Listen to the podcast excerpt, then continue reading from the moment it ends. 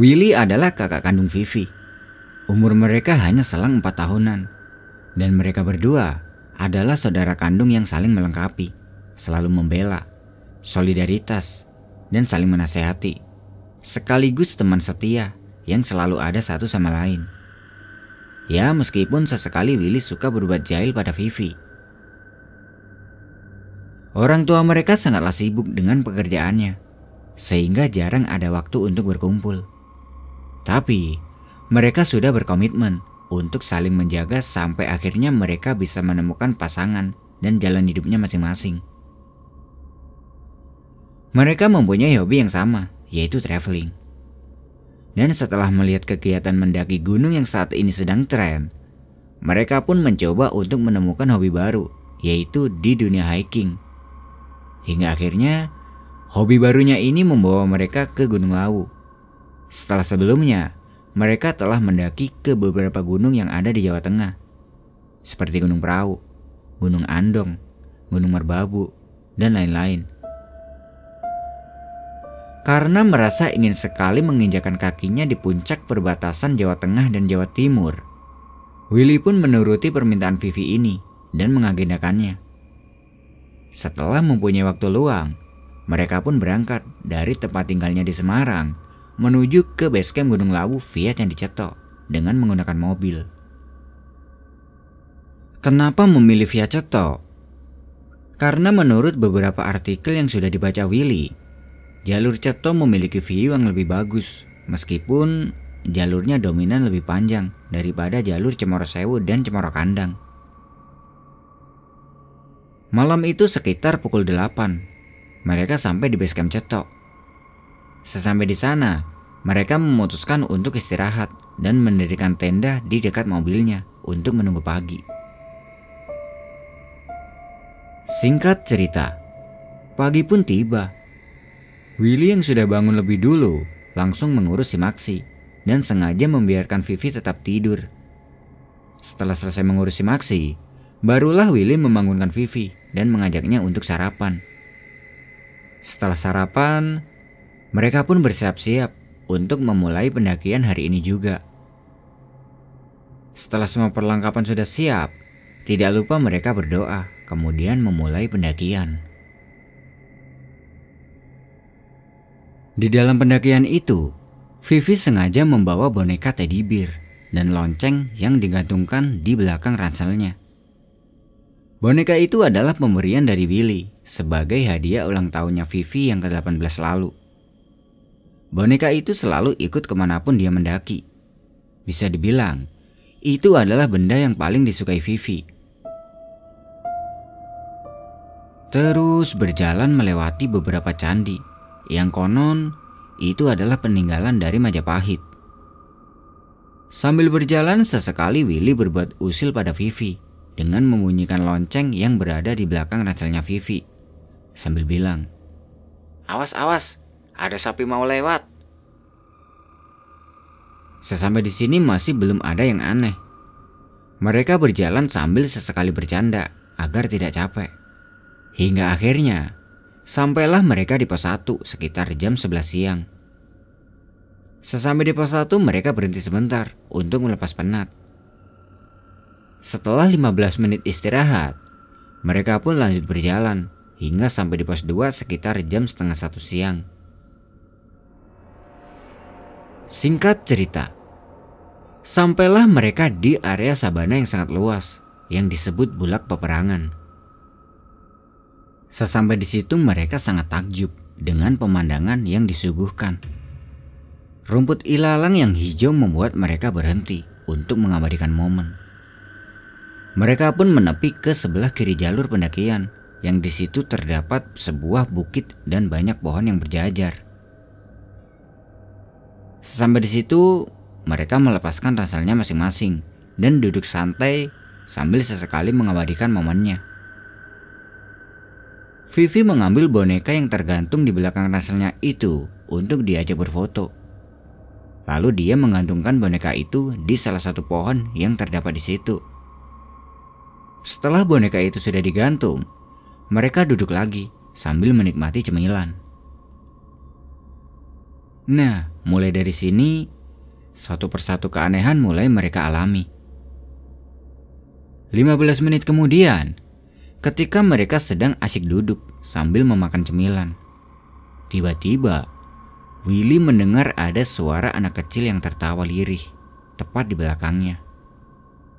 Sontak, Willy pun terdiam dan suara tertawa itu masih saja terdengar. Di sisi lain, Vivi juga terdiam dan mendengarkan hal yang sama. Lalu Willy bilang pada Vivi, Vi, dengar nggak? Sambil memegang cemilan, Vivi hanya mengangguk sambil menatap tajam ke arah Willy. Seketika itu bulu kuduk langsung berdiri. Karena merasa ada yang aneh, Willy cepat-cepat mengajak Vivi untuk segera meninggalkan tempat itu. Mereka kembali menggendong ranselnya masing-masing, dan tidak lupa, Vivi mengambil boneka yang masih tergantung di pohon untuk digantungkan kembali di belakang ranselnya. Kemudian mereka lanjut berjalan. Sambil berjalan, Willy merasa deg-degan. Dia merasa bahwa di tempat tadi ada makhluk halus yang sedang menggodanya. Willy meminta pada Vivi agar sedikit mempercepat jalannya. Tapi jalannya Vivi malah semakin lambat. Vi, ayo cepat dikit jalannya. Tasku kok tiba-tiba berat banget ya mas? Ucap Vivi. Vivi merasakan berat di bagian ranselnya. Rasanya, ransel itu lebih berat dua kali lipat dari sebelumnya. Jadi sambil berjalan, Willy berusaha membopong ransel yang digendong Vivi. Hingga sampailah mereka di area gupakan menjangan ketika hari sudah sore. Sesampainya di gupakan menjangan, Willy merasa lega karena bisa bertemu dengan beberapa pendaki lain yang sedang ngecamp. Dan anehnya, ransel yang tadi terasa berat itu sekarang sudah tidak terasa berat lagi dan seperti biasa. Mas, udah lepasin tasnya, udah gak berat kok. Ucap Vivi kepada Willy setelah sampai di gupakan menjangan. Willy merasa ini benar-benar aneh. Lalu mereka bergegas membongkar ranselnya masing-masing dan mendirikan tendanya untuk ngecamp. Setelah tenda sudah berdiri, Willy meminta pada Vivi untuk memasukkan semua barang-barangnya ke dalam tenda. Sementara dia sedang sibuk mempersiapkan alat masak untuk memasak. Setelah semua barang sudah dimasukkan, Vivi pun ikut membantu Willy memasak di depan tenda dan tidak lupa menggantungkan boneka beruang kesayangannya itu di tengah-tengah pintu tenda. Malam itu mereka memasak sambil bercanda. Setelah masakan sudah matang, mereka pun makan dan dilanjut dengan menikmati minuman hangat di depan tenda. Ketika sedang asik bercanda di depan tenda, tiba-tiba samar-samar Willy mendengar ada suara tangisan anak kecil dari belakang tendanya. Suara tangisan itu terdengar hanya sebentar, tapi Willy mengabaikannya dan menganggap itu hanyalah halusinasinya saja. Malam semakin larut. Terlihat jam sudah menunjukkan pukul 9 malam. Terlihat beberapa penghuni tenda lain juga sudah istirahat di dalam tendanya masing-masing. Willy pun mengajak Vivi untuk masuk tenda dan beristirahat. Karena besok mereka masih ada perjalanan ke puncak Hargodumilah. Ketika akan masuk ke dalam tenda, tanpa disengaja, sambil berjalan pandangan Vivi melihat ke arah tenda sebelah yang penghuninya sudah tidur. Dan di situ, dia sempat melihat ada anak kecil berambut panjang yang mengintip ke arah tenda mereka. Tepatnya di sebelah tenda pendaki lain tersebut. Melihat itu, Vivi sedikit tersentak. Sesampainya di dalam tenda, dalam hati dia berkata, "Yang aku lihat tadi siapa ya?" Karena merasa itu hanyalah perasaannya saja, Vivi pun mengabaikannya. Lalu dia bergegas ke posisi tidurnya. Sementara Willy dia masih sibuk membereskan alat masak di sebelah pintu tenda. Setelah selesai membereskan peralatannya, Willy pun masuk dan tidur di sebelah Vivi. Malam semakin larut. Sekitar jam 12 malam, Vivi terbangun dan mencari boneka beruangnya. Tapi tidak ada. Setelah dicari-cari, barulah dia ingat kalau bonekanya itu masih tergantung di depan pintu tenda. Mengingat itu, Vivi pun lekas mengambilnya dan membawa boneka itu untuk tidur bersamanya. Beberapa jam kemudian, Willy pun terbangun karena merasa ada yang menggoyang-goyangkan badannya. Awalnya Willy mengira itu adalah kerjaan Vivi. Tapi setelah bangun, dia melihat Vivi masih dalam posisi tidurnya dan terlihat sangat nyenyak. Tanpa berpikir panjang, Willy pun kembali melanjutkan tidurnya. Selang beberapa menit kemudian, dia mendengar ada suara yang tadi didengarnya, yaitu suara anak kecil. Tapi kali ini anak kecil itu tidak menangis, justru sebaliknya. Suara anak kecil itu terdengar tertawa cekikikan. Willy mencoba mengabaikan suara itu, tapi suara itu terus-menerus terdengar di telinganya Willy. Karena penasaran, Akhirnya Willy memutuskan untuk mengambil headlampnya dan menengok keluar tenda untuk mencari sumber suara tersebut. Setelah membuka tenda, dia menoleh ke kanan kiri sambil mengarahkan headlampnya seirama dengan arah pandangannya. Tapi, yang terlihat hanyalah tenda pendaki lain dalam keadaan gelap. Kemudian dia pun mengarahkan headlampnya ke arah sebelah tendanya. Betapa terkejutnya Willy ketika dia melihat ke arah sebelah tendanya. Di situ dia melihat ada sosok anak perempuan berambut panjang, memakai baju putih, dan wajahnya sangat pucat. Dia sedang duduk selonjoran sambil bermain boneka beruang milik Vivi.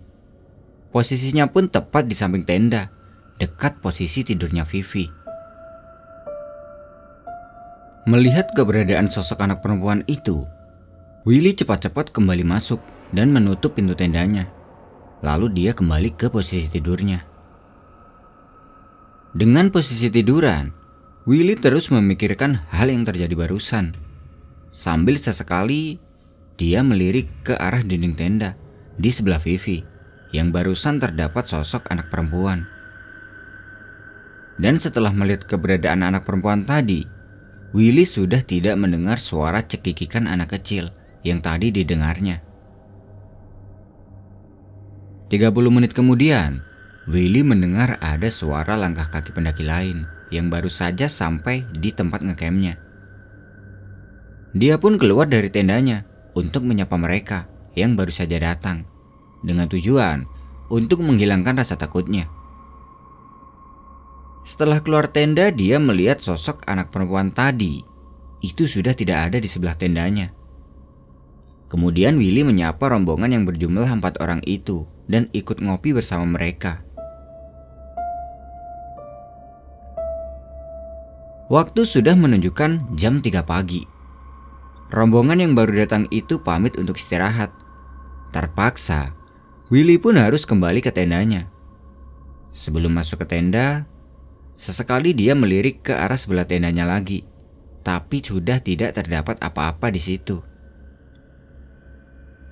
Setelah masuk, dia ingat kalau tadi sebelum tidur, dia melihat Vivi menggantungkan bonekanya di depan pintu tenda.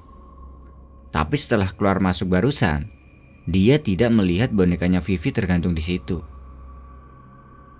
Willy tidak ingin mengingat-ingat hal itu lagi Kemudian dia berusaha melanjutkan tidurnya, hingga akhirnya dia tertidur. Pagi pun tiba. Sekitar jam 6 pagi, Willy terbangun karena Vivi membangunkannya sambil memegang boneka beruangnya. Melihat itu, Willy langsung bertanya pada Vivi. Vi, semalam bonekamu kamu taruh di mana? Di sini, aku pakai buat guling. Kenapa? Perasaan semalam kamu gantung di pintu tenda deh. Iya, aku lupa. Semalam aku bangun, terus aku ambil. Jawab Vivi yang tidak tahu apa-apa. Willy pun enggan memberitahu kepada Vivi tentang kejadian yang semalam dilihatnya. Pagi itu mereka berdua masak untuk sarapan. Setelah selesai sarapan, mereka mempersiapkan barang-barang yang dibutuhkan untuk dibawa Samit ke puncak. Karena ranselnya Vivi yang ukurannya lebih kecil, mereka hanya membawa satu ransel milik Vivi dan meninggalkan tenda dan barang-barang yang tidak perlukan di situ. Berjalan menuju ke puncak, dan sampailah mereka di puncak Hargodumila pada jam 8 pagi. Sesampai di puncak, Willy lupa tentang kejadian yang semalam dilihatnya. Dia hanya fokus menikmati keindahan puncak Hargodumila. Akhirnya keinginan mereka untuk menginjakan kaki di ketinggian perbatasan Jawa Tengah Jawa Timur terkabulkan. Setelah kurang lebih satu jam di puncak, mereka pun turun ke Hargo Dalam untuk mengisi perut di warung yang terkenal di kalangan pendaki. Setelah selesai mengisi perut, mereka pun berjalan muter-muter area Argo Dalam untuk mengabadikan momen. Karena terlalu asyik di Hargo Dalam, tidak terasa waktu sudah menunjukkan jam 2 siang. Karena takut kesorean, mereka pun bergegas kembali turun dan kembali ke tempat campnya. Sesampai di camp, Willy sangat terkejut karena tiba-tiba saja boneka milik Vivi itu tergeletak di luar tenda, tepat di sebelah tendanya. Melihat itu seketika Willy teringat tentang anak perempuan yang semalam dilihatnya. Karena Posisi tergeletaknya boneka itu tepat di posisi anak perempuan yang semalam dilihat Willy. Lalu Willy bertanya pada Vivi. Vi, boneka kamu kok ada di luar? Apa sengaja kamu jemur? Enggak mas, tadi sebelum berangkat ke puncak, bonekanya ada di dalam tenda kok. Jawab Vivi juga heran. Lah, itu kok di luar tenda? Apa jangan-jangan ada yang masuk tenda kita? Jawab Vivi. Mendengar jawaban Vivi, Willy langsung masuk ke dalam tendanya untuk memastikan. Mungkin yang dikatakan Vivi barusan benar. Tapi setelah mereka berdua masuk, ternyata tidak ada tanda-tanda bekas orang masuk. Seketika itu suasana menjadi mencekam. Di sisi lain, Kondisi tempat mereka camp itu tidak ada orang sama sekali. Hanya ada beberapa tenda saja yang tidak berpenghuni. Willy, dia sudah merasakan bahwa ada sesuatu yang tidak beres di tempat itu. Lalu Willy cepat-cepat mengemasi barangnya dan mengajak Vivi untuk turun sore itu juga. Setelah selesai berkemas, mereka pun akan berjalan turun. Sebelum berjalan turun, Willy mengajak Vivi untuk berdoa, berharap agar tidak terjadi apa-apa selama perjalanan turun nanti. Setelah selesai berdoa, Willy berpesan pada Vivi. Nanti selama perjalanan turun kalau melihat atau mendengar sesuatu yang sekiranya tidak logis abaikan ya. Dengan perasaan takut Vivi bilang, Iya, memangnya ada apa sih mas? Udah, nanti aja mas Willy ceritain. Berjalan turun. Ketika mereka sampai di area belak peperangan, lagi-lagi Willy melihat sosok anak perempuan yang semalam dilihatnya itu tepat berada di sela-sela pohon di sebelah kanannya. Melihat itu Willy langsung menggandeng tangannya Vivi dan mengajaknya untuk mempercepat langkah kakinya. Vivi yang tidak melihat keberadaan anak itu pun hanya menurut. Kemudian mereka berjalan dengan sedikit cepat. Hari terlihat semakin sore setelah mereka sampai di pos 3. Sesampai di situ, mereka memutuskan istirahat sebentar untuk mengisi tenaga yang tadi terkuras. Ketika sedang istirahat, tiba-tiba Vivi merasa ada yang menarik ranselnya dari belakang. Sontak, Vivi pun menoleh ke belakang, tapi tidak ada siapa pun di situ, kecuali mereka berdua. Karena merasa takut, Spontan Vivi bilang pada Willy Mas, mas, kayak ada yang tarik-tarik tasku dari dari belakang. Yang bener, jangan ngaco ah. Beneran mas, ini kerasa banget kalau ditarik. Ucap Vivi meyakinkan Willy. Spontan, Willy pun menoleh ke belakang dan melihat ada apa dengan ranselnya Vivi. Setelah melihat ke belakang, dia tidak melihat ada siapa-siapa.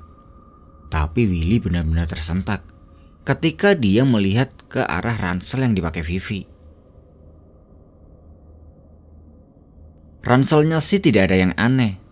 Yang aneh itu boneka yang menempel di belakang ranselnya Vivi. Boneka beruang yang tadi terlihat lucu, tiba-tiba sekarang berubah menjadi boneka yang sangat menyeramkan. Matanya melotot keluar, mulutnya berdarah, terlihat sobek di bagian dadanya. Melihat boneka itu yang menjadi menyeramkan, Willy pun sangat panik. Melihat Willy panik, Vivi bertanya sambil sesekali melihat ke arah belakang. Kenapa mas? Dengan nafas yang menggebu-gebu, Willy menjawab. Lepas boneka kamu sekarang juga. Ada apa dengan bonekanya, Mas? Lepas aja dulu, Vi. Vivi pun bergegas melepas bonekanya, kemudian memberikannya pada Willy. Anehnya, di mata Vivi boneka itu terlihat baik-baik saja, tapi tidak dalam pandangan Willy. Setelah mengambil boneka dari Vivi, Willy langsung membuang ke semak-semak. Mas, kok dibuang sih? Tanya Vivi dengan bingung. Biarin aja Vi, ada makhluk lain di dalam boneka itu.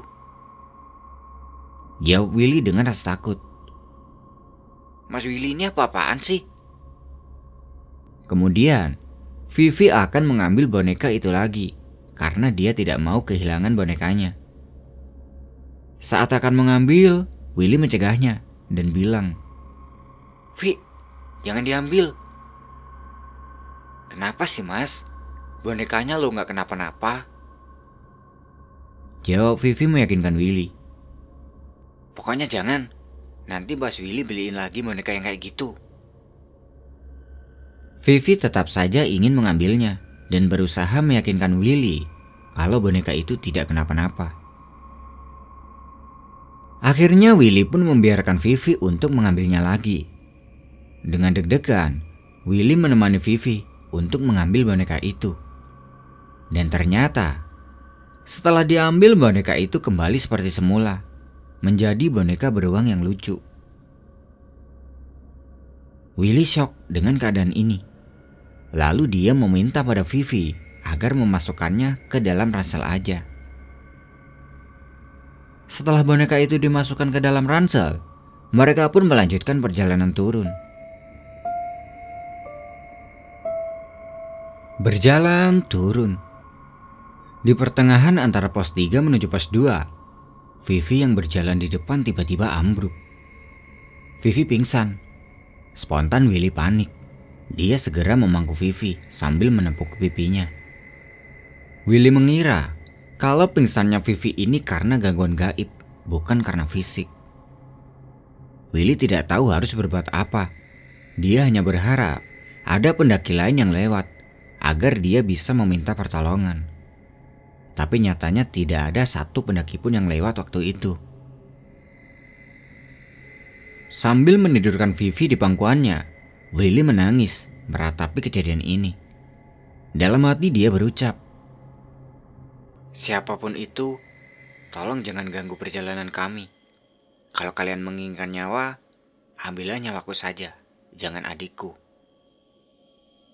Beberapa menit kemudian, tiba-tiba Vivi batuk dan kemudian tersadar.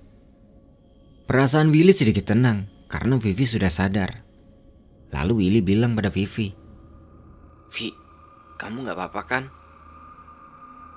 Baru saja sadar, Vivi langsung memeluk erat Willy sambil menangis. Dia bilang, Mas, aku takut. Takut kenapa, Vi? Tadi ada anak kecil di situ. Jawab Vivi sambil menangis ketakutan. Seketika itu jantung Willy berdetak hebat. Willy berpikir, berarti selama perjalanan ini kami diikuti oleh sosok anak perempuan yang aku temui di atas tadi. Willy pun membuang rasa takutnya itu demi Vivi. Dia bergegas mengambil boneka yang ada di dalam ranselnya Vivi, kemudian membuangnya jauh ke dalam hutan, sambil bilang, Kalau memang benda ini yang kamu inginkan, ambil aja. Awas kalau sampai mengganggu adikku lagi. Setelah boneka itu dibuang, Willy mencoba menenangkan Vivi. Beberapa menit kemudian, Vivi pun sudah sedikit tenang. Lalu Willy mengajak Vivi untuk lanjut berjalan lagi agar segera sampai di bawah. Lanjut berjalan. Sambil berjalan, Willy terus menggandeng pundaknya Vivi karena takut terjadi apa-apa lagi kepada Vivi. Tapi syukurlah, mereka tidak mendapat gangguan lagi hingga sampai di area candi ketika hari sudah gelap. Sesampai di situ mereka dihampiri oleh satu orang bapak-bapak dengan membawa tongkat. Bapak itu terlihat orang daerah sini. Lalu bapak itu bertanya pada mereka. Baru turun ya mas, mbak? Iya pak. Jawab Willy pada bapak itu. Oh iya, ini milik kalian kan? Ucap bapak itu sambil memberi mereka sesuatu. Ternyata yang diberikan bapak itu adalah boneka beruang milik Vivi. Melihat itu mereka pun heran. Lalu Willy bertanya pada bapak itu. Loh, pak, ini kan tadi sudah saya buang di atas. Iya, bapak tahu ini kepunyaan kamu. Jadi bapak berniat mengambilnya lagi. Tapi pak, boneka ini jangan khawatir. Anak perempuan itu sudah kembali ke tempatnya. Dia hanya suka dengan boneka ini. Dan sekarang boneka ini sudah kembali seperti boneka biasa. Kalian bisa membawanya lagi. Ucap bapak itu kepada Willy dan Vivi. Mereka pun menerima boneka itu lagi. Kemudian, bapak itu lanjut berucap sambil memegang pundaknya Willy. Jaga adikmu baik-baik ya. Selamat jalan. Iya pak, terima kasih banyak ya. Jawab Willy pada bapak itu. Mereka pun lanjut berjalan lagi. Setelah beberapa langkah berjalan meninggalkan bapak-bapak tadi, Willy sempat menoleh ke belakang. Tapi bapak-bapak yang ditemuinya tadi tiba-tiba tidak ada, alias hilang. Willy menganggap itu bukanlah manusia. Karena kalau dipikir secara logika, tidak mungkin dia bisa menemukan boneka ini. Dan tidak mungkin juga dia pergi secepat itu. Tapi karena beliau baik, Willy tidak merasa takut sedikit pun. Singkat cerita, sesampai mereka di mobil malam itu mereka langsung bergegas meninggalkan base camp dan kembali ke rumah dengan selamat. Dan boneka beruang itu sekarang mereka segel di sebuah lemari kaca untuk pajangan kamar dan kenang-kenangan. Kejadian itu tidak membuat mereka kapok untuk mendaki gunung. Justru, Willy malah menggantinya dengan boneka beruang yang lebih besar, dengan tujuan agar tidak bisa dibawa lagi kalau pendakian.